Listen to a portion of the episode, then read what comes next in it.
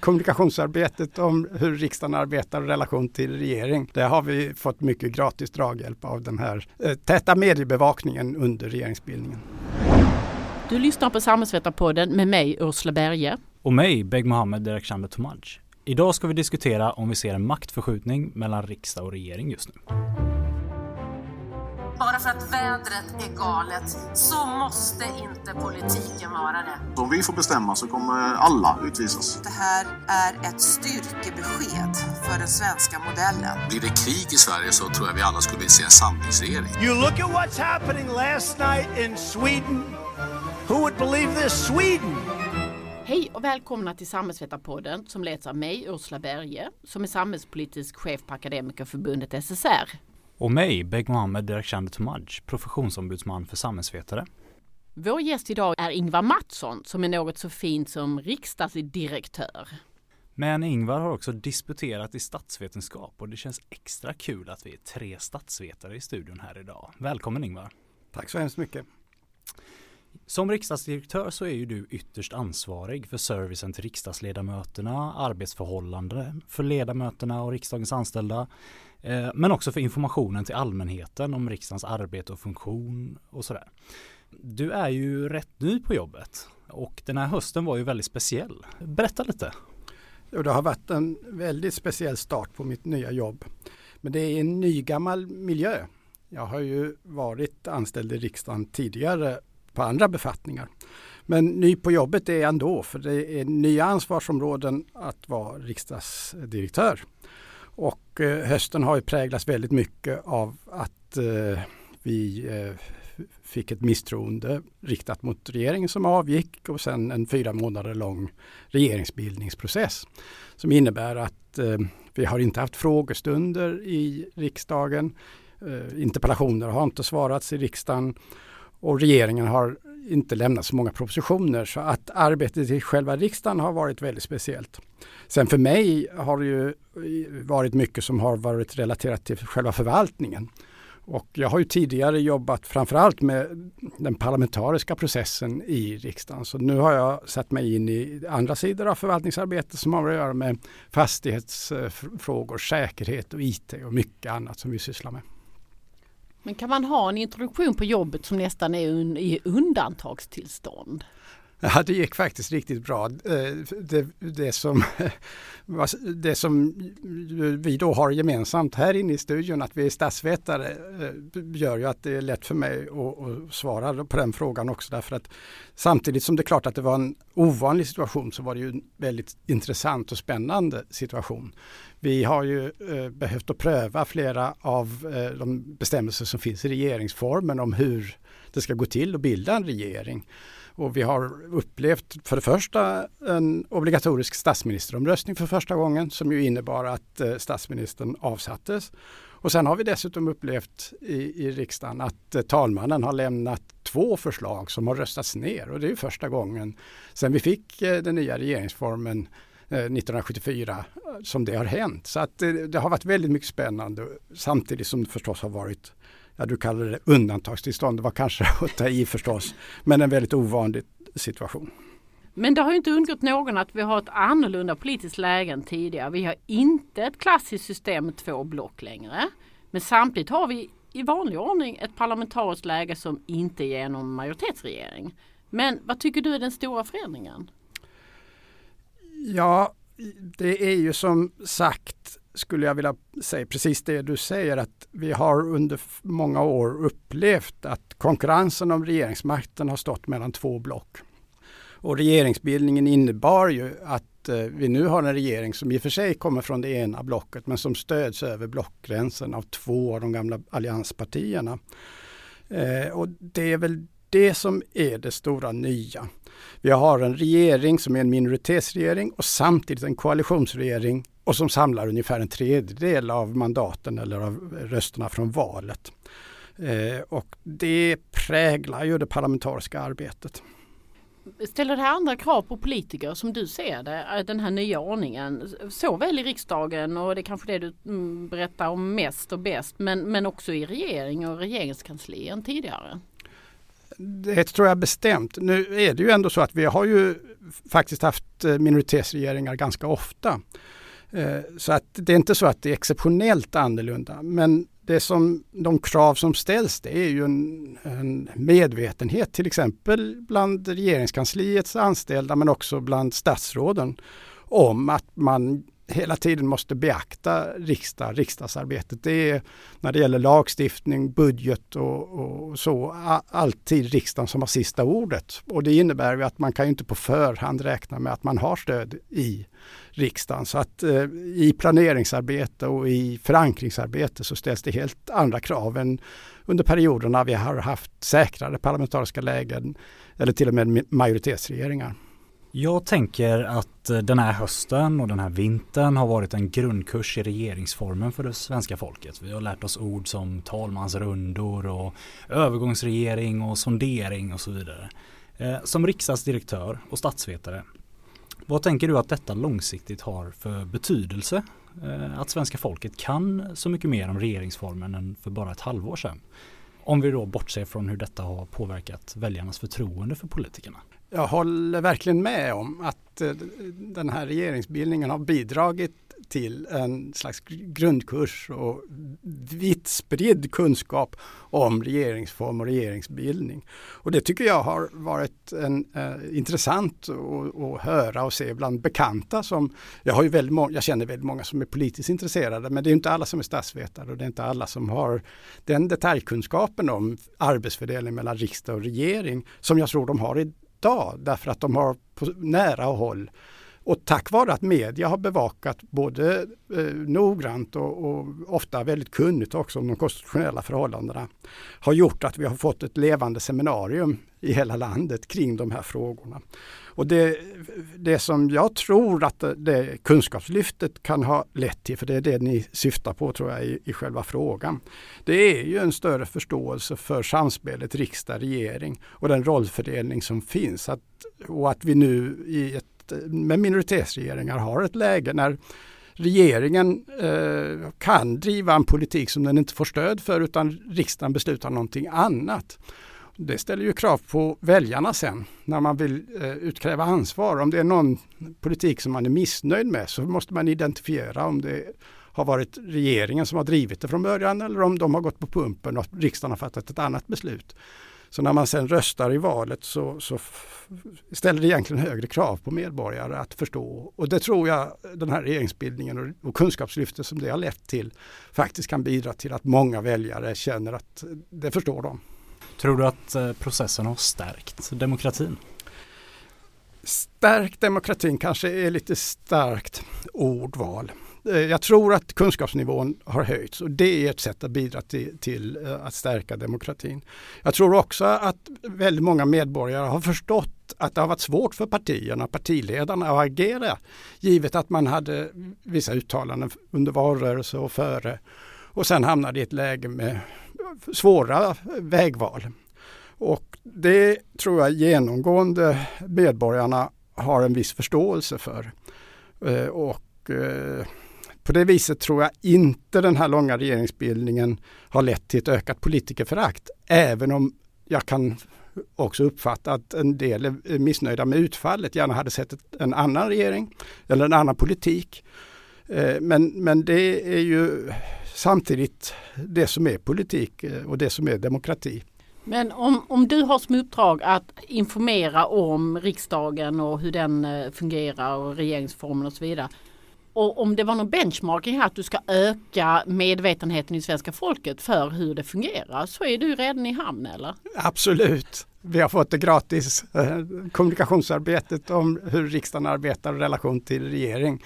Det har vi fått mycket gratis draghjälp av den här eh, täta mediebevakningen under regeringsbildningen. Jaha.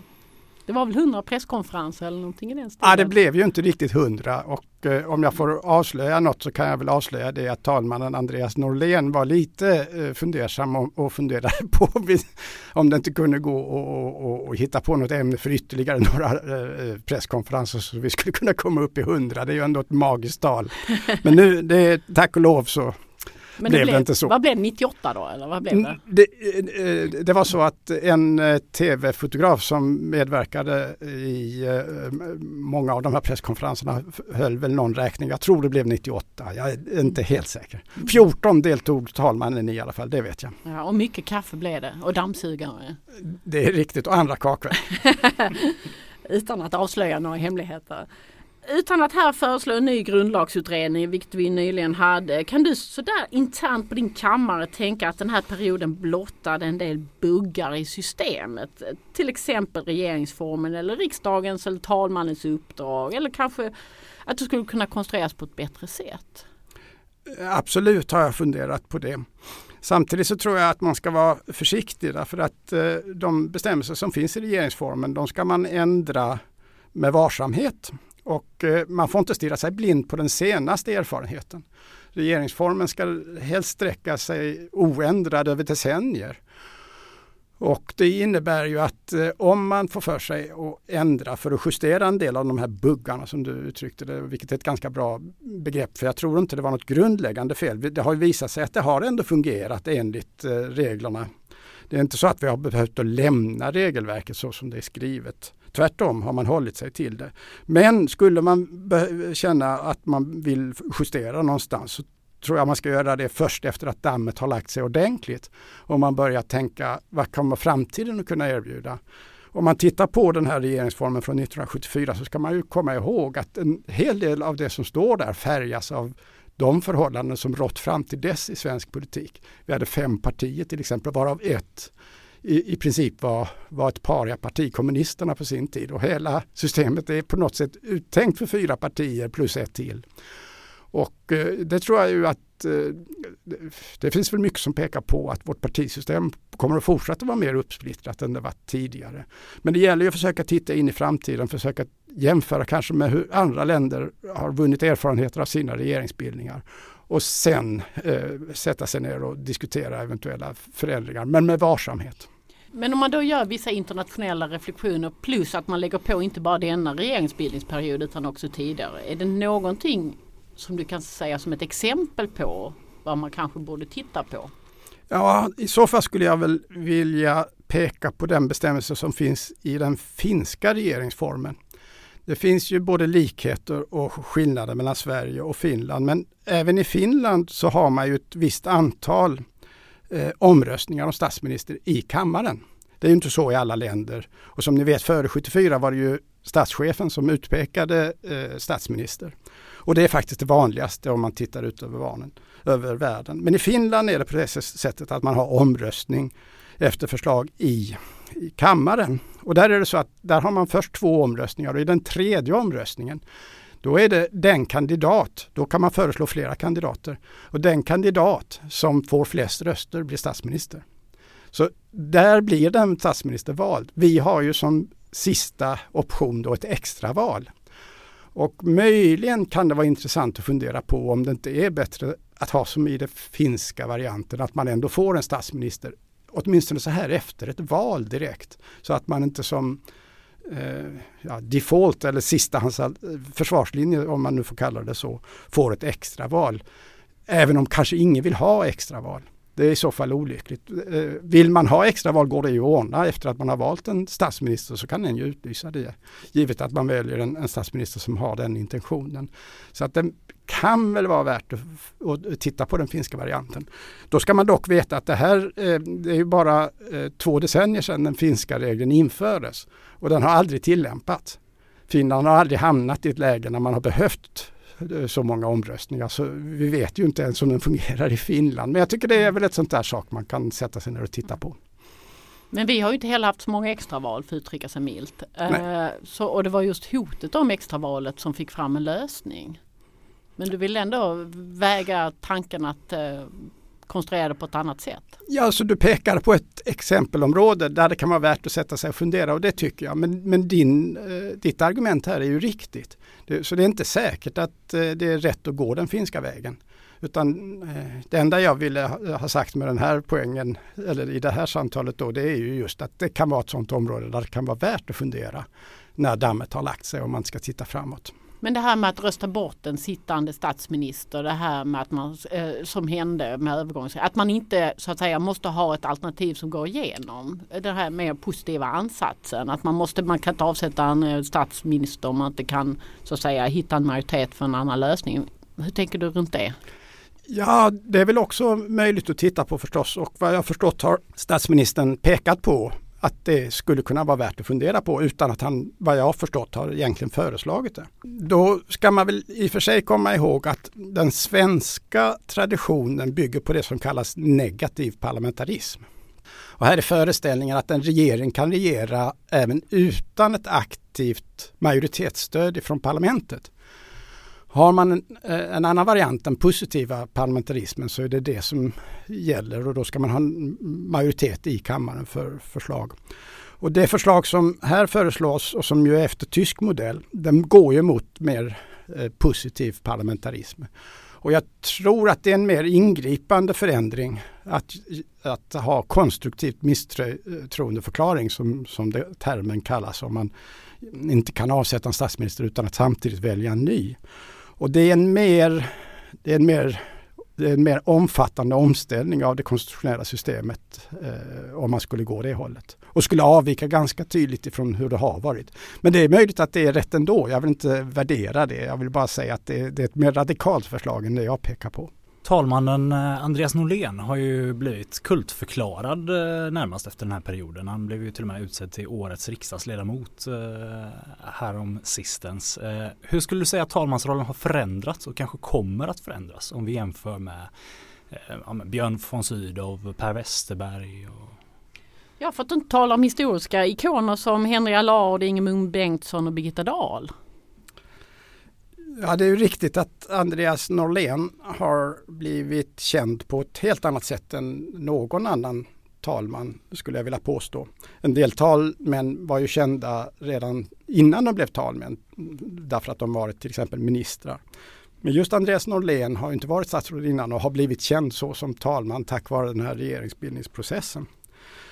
Jo, eh, jag kan väl överblicka en viss period, men inte så långt tillbaka som Henry Allard och Ingmund Bengtsson och så. Den första, den, för, den första eh, talman jag såg i, i, på riktigt i action var Ingegerd Troedsson eh, som var talman från 1991. Jag tror att man kan, om man blickar tillbaka, se att talmansrollen har ökat i eh, betydelse och eh, att uppmärksamheten kring talmansrollen har förändrats också över tid. Och jag tror att särskilt den ceremoniella delen i talmansrollen har ökat. Om man tittar tillbaka på Henry Allard och Ingemund Bengtsson tror jag det vore rättvist att säga att de var framförallt ordförande i kammaren och såg till att fördela ordet mellan de som ville ha det i kammaren. Medan eh, talmän efterhand har eh, kommit att få större och större uppmärksamhet som företrädare för eh, riksdagen som institution. Och att man har efterhand också kommit att betona då att eh, ja, riksdagen som folkets främsta företrädare har då en talman som sin främsta företrädare, representant. Och att det har en symbolisk betydelse på ett annat sätt än jag tror att det var på Henry Allard eller Ingemund Bengtssons tid. Eh, då tror jag inte man la någon särskild tonvikt vid, vilket man nu från tid till annan hör, att eh, talmannen är, nummer två i rang om man ser på ämbetshållare i, i, i den svenska statsförvaltningen efter statschefen. Eh, det är något som man har kommit betona på senare tid och som just väl markerar att riksdagen kanske syns lite mer. Plus det här ja, betydelsen av procedurer eller ceremonier kanske snarare och symboler. Men eh, om vi tittar in i framtiden. Vi går mot att talmannen blir viktigare och viktigare med fler partier kanske och, och ett rörigare parlamentariskt läge. Är det det du säger? Nah, nej, jag tror snarare då att eh, riksdagen behöver ha en person som, går, som så att säga, är ansiktet för riksdagen och riksdagsarbetet. Jag tror ändå att det det som spelar störst roll för, för hur riksdagen arbetar och för de politiska besluten och processerna och så, det är likväl partierna. Regering och partier och eh, riksdagsarbetet. Utan det handlar just om att eh, ha en symbol för, kanske en förenande symbol även när politiska konflikter är hårda.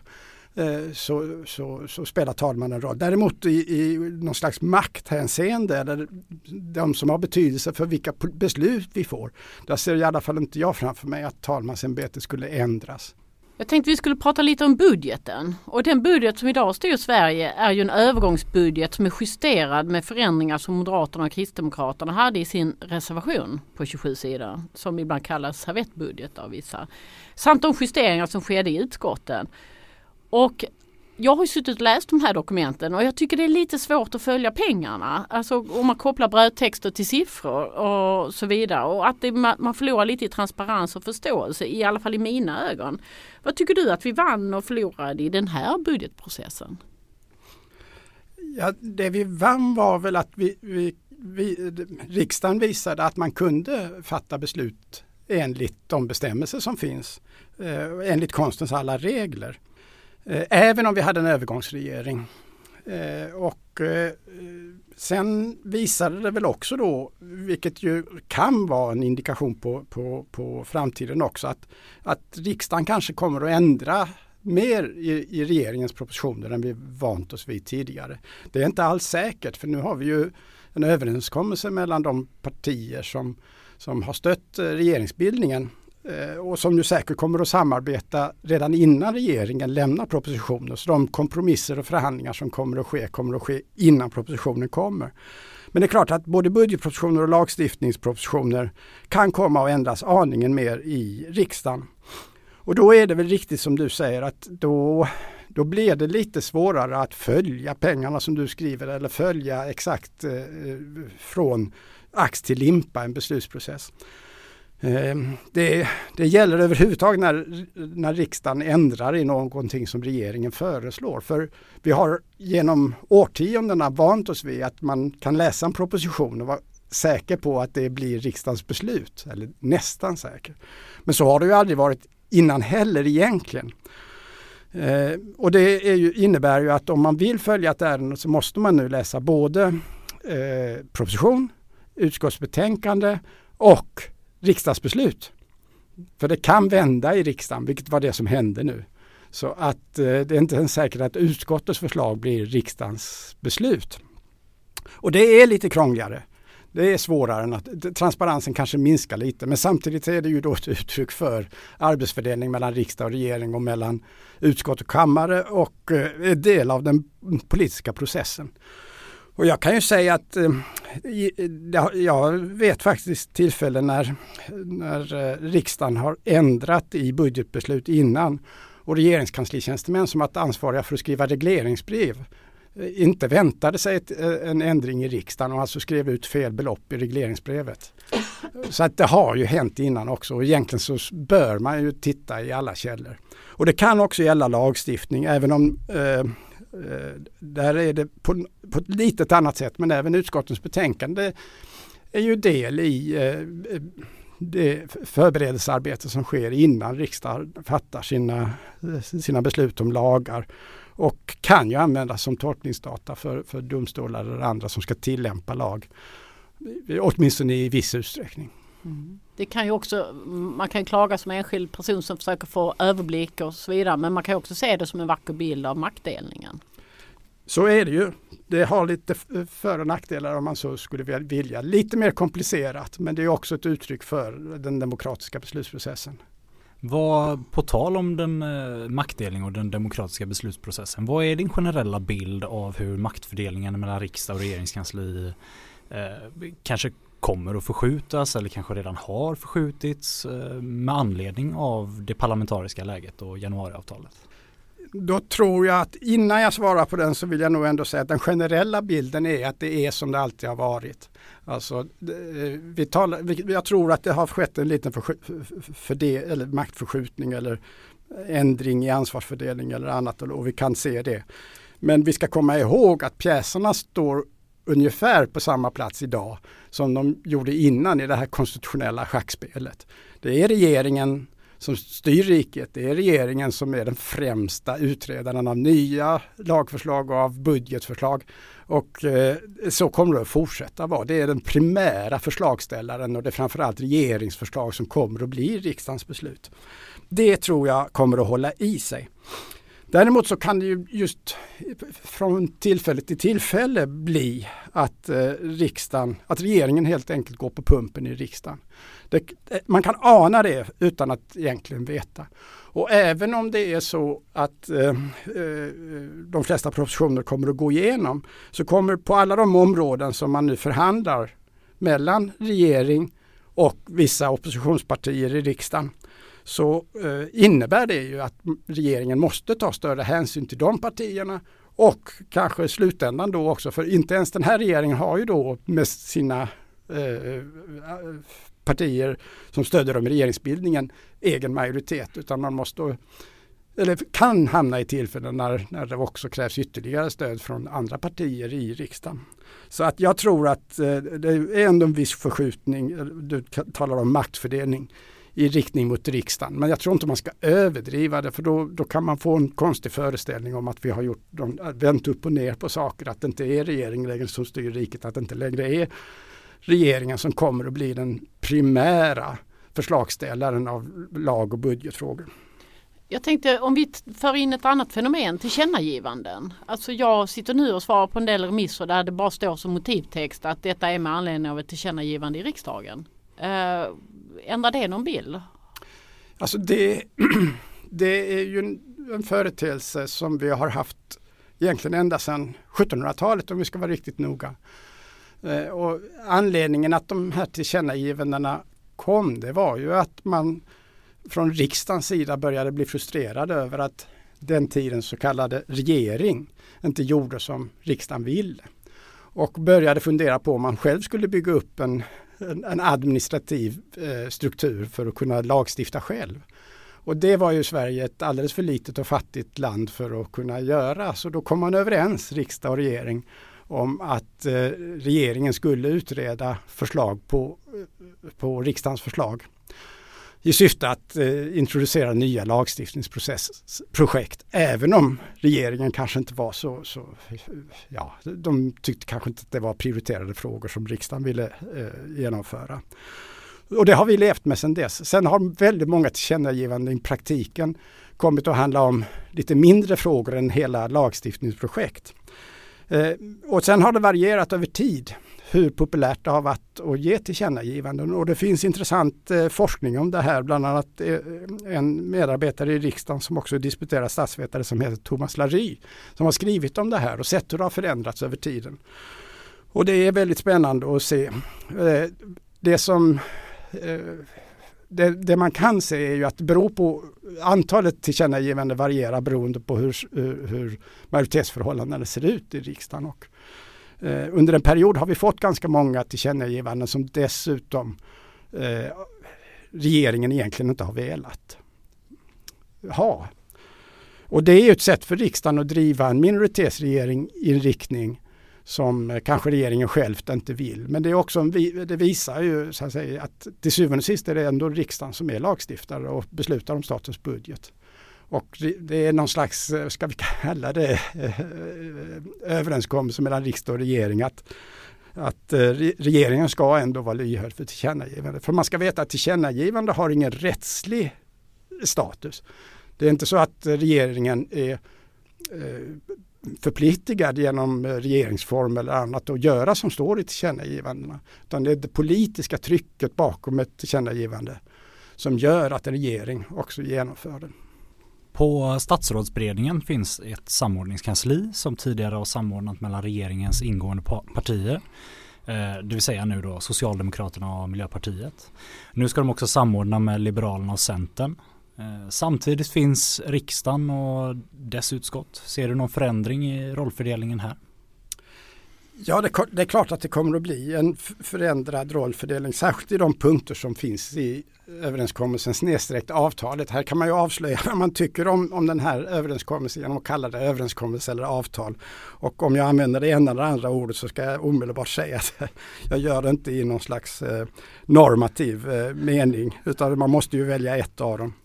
Eh, det innebär ju framförallt att eh, de utskottsledamöter som företräder Liberalerna och Centern eh, naturligtvis förmodligen kommer att kopplas in och ha kanaler in i eh, eh regeringskansliet under förberedelsearbete för att kunna utöva ett inflytande och därmed säkra att eh, överenskommelsen eh, kommer att genomföras på det sätt som man menar att man ska komma överens om. Sen ska man väl komma ihåg att det här är ju inte helt nytt. Vi har ju haft den här typen av överenskommelser innan på, i olika eh, schatteringar. Vi har haft budgetsamarbete till exempel mellan en, en, socialdemokratisk regering och Centerpartiet. Och det har varit andra perioder när en socialdemokratisk regering har på motsvarande sätt samarbetat med eh, eh Vänsterpartiet och eh, Miljöpartiet. Och då har det också krävts sig, samarbetsformer och samordningsformer. Och de har ju tagit sig olika gestalt några gånger har eh, oppositionspartier till och med fått utpeka personer som har fått anställning i regeringskansliet just för att eh, skapa förutsättningar för bra förankringsarbete. Och eh, jag, jag har ingen eh, kunskap om exakt hur de tänker organisera eh, genomförandet av överenskommelsen och samspelet mellan utskott och eh, eh regeringskansli nu. Så att eh, det återstår väl att se men på något sätt kommer ju spel planen att ändras. Det, så är det ju. Mm. Jag tänkte när jag jobbade som politisk sakkunnig i regeringskansliet då hade vi bland annat en deltidssakkunnig som var riksdagsledamot och då blev det ibland sån här kritik om att men det är ju ändå så att regeringen och riksdagen är olika saker. Den ena är exekutiv och den andra är lagstiftande och att det blir grötigt om, om en riksdagsledamot är politisk sakkunnig också. Um, är den här, är det, alltså, om man har till exempel en sån här samarbete nu här i, i form av till exempel statsrådsberedningen med, mellan oppositionspartier och regeringspartier. Blir det grumligare i rollfördelningen eller klarar vi av detta? Och de klarar av det? Nej men det, det är klart att det blir grumligare. Eh, vill man ha helt, eh, i och för sig är det ju inte så att vi har en tydlig maktfördelning man, vi statsvetare pratar ju snarare kanske om att det finns en ansvarsfördelning där riksdagen är lagstiftare, har budgetmakt och kontrollmakt medan regeringen styr riket. Men eh, ja, mot bakgrund av vad vi pratat om innan så har vi väljarna som regel ändå kunnat ställa regeringen till ansvar för hur riket har styrts och vilka lagar vi har och hur budget eh, ser ut och så. Men det är klart att hela det här parlamentariska läget gör det grumligare. Och det blir ju inte mindre grumligt av om man så att säga har samtidigt en roll både i riksdag och i regering eller regeringskansli. Det ökar ju inte tydligheten men det kanske ökar möjligheterna att eh, undvika missförstånd mellan de som har gjort den här särskilda januariöverenskommelsen. För några år sedan så fanns det en diskussion om att riksdagen bara var ett eh, knapptryckarkompani och det skrevs till och med en bok av riksdagsledamoten eh, Ann-Marie Paulsson om det.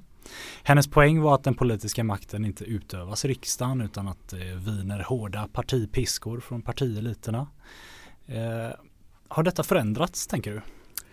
Eh, Nej, jag vet inte om det är så stora förändringar. Eh, jag tror att när man tittar på den debatt som Ann-Marie Paulsson startade och som gjorde, handlade just om enskilda ledamöter som knapptryckare. Så läser jag i alla fall väl så mycket, eh, inte bara in fördelning eh, mellan riksdag och regering, utan också hur det internt ser ut i partierna. Vi har starka partier, stark partidisciplin. Och eh, det hon riktade ljuset mot, som jag upplevde det, var också väldigt eh, centraliserad styrning inom partierna. Och det gjorde att den här rollen som trapp, knapptryckare eh, tyckte hon då var att, eh, värd att kritisera. Och eh, jag, jag, vet inte riktigt om, om, när, du, när du frågar så att säga om den politiska makten utövas av riksdagen eller inte. Så, så tror jag inte att eh, det är Alltså det här kommer förändras så mycket för det, jag tror att förändringarna mer handlar om hur starka de politiska partierna har blivit och hur de är organiserade. Eh, och jag, det här med att eh, det är ju faktiskt så att väldigt många ledamöter eh, har ju en stark individuell profil, inte minst nu när vi har sociala medier och Twitter och allting sådant. Men till syvende och sist så är ju fortfarande partidisciplinen väldigt hög. Eh, det senaste som illustrerar det, eh, tycker jag själv då, det är ju att vi fick ju se till och med i direktsänd tv att det inom Liberalerna fanns olika åsikter om hur man skulle agera i regeringsbildningen. Men när det kom till, till kritan och det blev omröstning i riksdagen så följde alla partiets linje. Man ser sin roll som partiföreträdare i riksdagen att det är partiets linje som man ska rösta för. Även om man själv tidigare har argumenterat för en, ett annat beslut. Jag tänker att det här parlamentariska läget vi har och, och kan skapa en del rent praktiska förändringar av arbetet i riksdagen. Det kanske behövs mer tid för utskottsarbete för man, det är fler som tycker olika saker. Och det kanske behövs mer kansliresurser för att stödja riksdagsledamöter. Och kanske behövs det enskilda partikanslier som får andra förutsättningar. Som riksdagsdirektör, eh, är det något sånt som, som eh, har förändrats med tanke på det läge vi har? Ja, jag tror faktiskt det och det är en sak som eh, vi har diskuterat internt och som har diskuterats i riksdagsstyrelsen och med gruppledare. Eh, vi har eh, och jag tror att det, det, hänger både ihop med själva utskottskanslierna men också det andra kunskapsstödet. Vi har en, riksdagens utredningstjänst som är känd under förkortningen RUT Eh, Eh, vi har en särskild funktion av tjänstemän som hjälper till med uppföljningsarbete som går under förkortningen RUFS. Vi har ett riksdagsbibliotek som hjälper ledamöter med en mängd olika sökningar och kunskapsarbete av olika slag. Och inte bara riksdagsledamöterna utan också partikanslierna i riksdagen. Och det vi har sett under hösten är ju att det arbetet, bland annat då eh, som de som hjälper till med budgetberäkningar i utredningstjänsten har försett eh, Moderaterna i det här fallet då i höstas. Det blir också det grundläggande beslutsunderlaget i riksdagen. Så utredningsarbetet, kunskapsproduktionen i riksdagen eh, spelar på marginalen eh, stor roll för eh, det som blir riksdagens beslut. Och då är det viktigt att riksdagsförvaltningen kan leva upp till de förväntningar som rätteligen kan riktas mot eh, oss och där tror jag att eh, vi, vi eh, ska jobba vidare. Vi har ett väldigt bra professionellt stöd idag men det behöver säkert utvecklas. Och just utredningstjänsten har vi bestämt oss för att vi ska göra en genomlysning av för att se om, om vi jobbar på rätt sätt idag.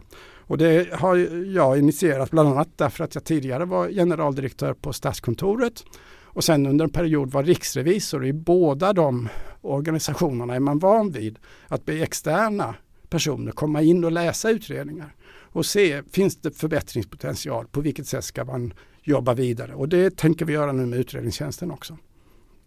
Även debatterna i kammaren har ju börjat se annorlunda ut och plötsligt så debatterar alla med alla och eh, det blev ett väldigt eh, rabalder eh, här i slutet av januari när Ebba Busch Thor tog replik på Annie Lööf och forna alliansvänner blir motståndare i någon mening. Ändrar det förutsättningarna också? Behöver ni mer tid i kammaren för debatter? Eller? Bra fråga, det återstår att se. Men det är klart att eh, de här mönstren eh, kommer väl att ändras får vi väl tro. Du, du pekar på ett exempel när, när det skedde en förändring. Och om det leder till mer tid i plenum eller inte, det tror jag är för tidigt att säga. Men, men det, är, det är en möjlig väg framåt. Och eh, det, det, det, man möjligen kan säga också då är att det har varit väldigt lite plenum. Eh, under hela regeringsbildningen så svarade regeringen inte på interpellationer och vi hade inga frågestunder. Det var inga aktuella debatter. Så i genomsnitt över året så blir det i alla fall inte eh, mer plenitid än ett vanligt år. Men jag tänker i genomsnitt har vi inte en övergångsregering fyra månader av tolv per år. Nej. Förhoppningsvis. Nej. Eh, jo, jag var inne på det tidigare när man sitter och läser alla dessa riksdagsdokument och vad som händer i politiken just nu. Alltså vi, jag företräder ett fackförbund som är intresserad av att påverka politiken. Nu ska du inte ge tips till oss som ska påverka politiken var man ska rikta sökarljuset. Men eh, om man tidigare har fokuserat jättemycket på statsråd och, och, och där. Var borde man sikta nu? Var ska sökarljuset sitta om man ska påverka de som verkligen avgör just nu? Jag har väl känsla av att eh, intresseorganisationer eh, redan tidigare har eh, riktat en del av sin eh, energi också till att eh, påverka riksdagsledamöter. Inte minst ledande företrädare för olika partier eller deras talespersoner inom olika utskott. Och det antar jag att eh, det har de ni och andra skäl att fortsätta med. Jag, jag, jag, det är faktiskt, jag är ganska okunnig på det här området och vet inte riktigt exakt hur, hur det där går till. Så jag är egentligen fel person att, att svara på det.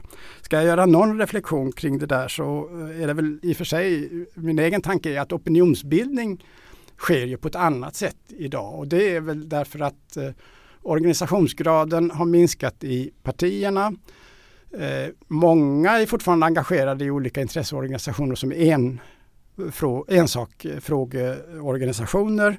Men det som dessutom kommer till i detta det är ju då att eh, väldigt mycket av opinionsbildning verkar ha hamnat i nya medier och i sociala medier som Twitter och annat. Så jag antar att de som vill bilda opinion måste ändra strategi för det. Men, men hur mycket det har att göra med förändringar i det parlamentariska landskapet det är jag faktiskt osäker på. Jag tror de här förändringarna hade kommit ändå. Men det här är absolut, nu är jag ute på väldigt svag is här så att eh, jag, jag, tror i princip att jag passar på frågan. Men om vi ska tolka dina tidigare svar så kanske ska man ha mer koll på utskotten än vad man har haft tidigare. Du säger att det kan till och med ändras från utskott till plenum. Eh, och det, vi har ju legat tidigare i beslutsprocessen tidigare i vår påverkan kan jag då avslöja som generellt sett. Måste vi ligga senare nu? Alltså, det är väl ändå så att regeringen fortsatt kommer att vara det viktiga instrumentet för styr, hur riket styrs och den som producerar flest eh, förslag som sen också blir riksdagens beslut. Men det är kanske så att om ni inte har bevakat utskotten så är det hög tid. Ja, vi har nog i och för sig gjort det också. Och med det knyter vi ihop säcken. Tack för att du kom hit Ingvar. Det var allt från Samhällsvetarpodden den här veckan. Samhällsvetarpodden görs varannan vecka och fångar upp stora samhällspolitiska frågor, helst med facklig twist. Prenumerera gärna på oss på de ställen där du brukar hitta dina podcasts. Samhällsvetarpodden görs av Akademikerförbundet SSR, Sveriges ledande samhällsvetarförbund.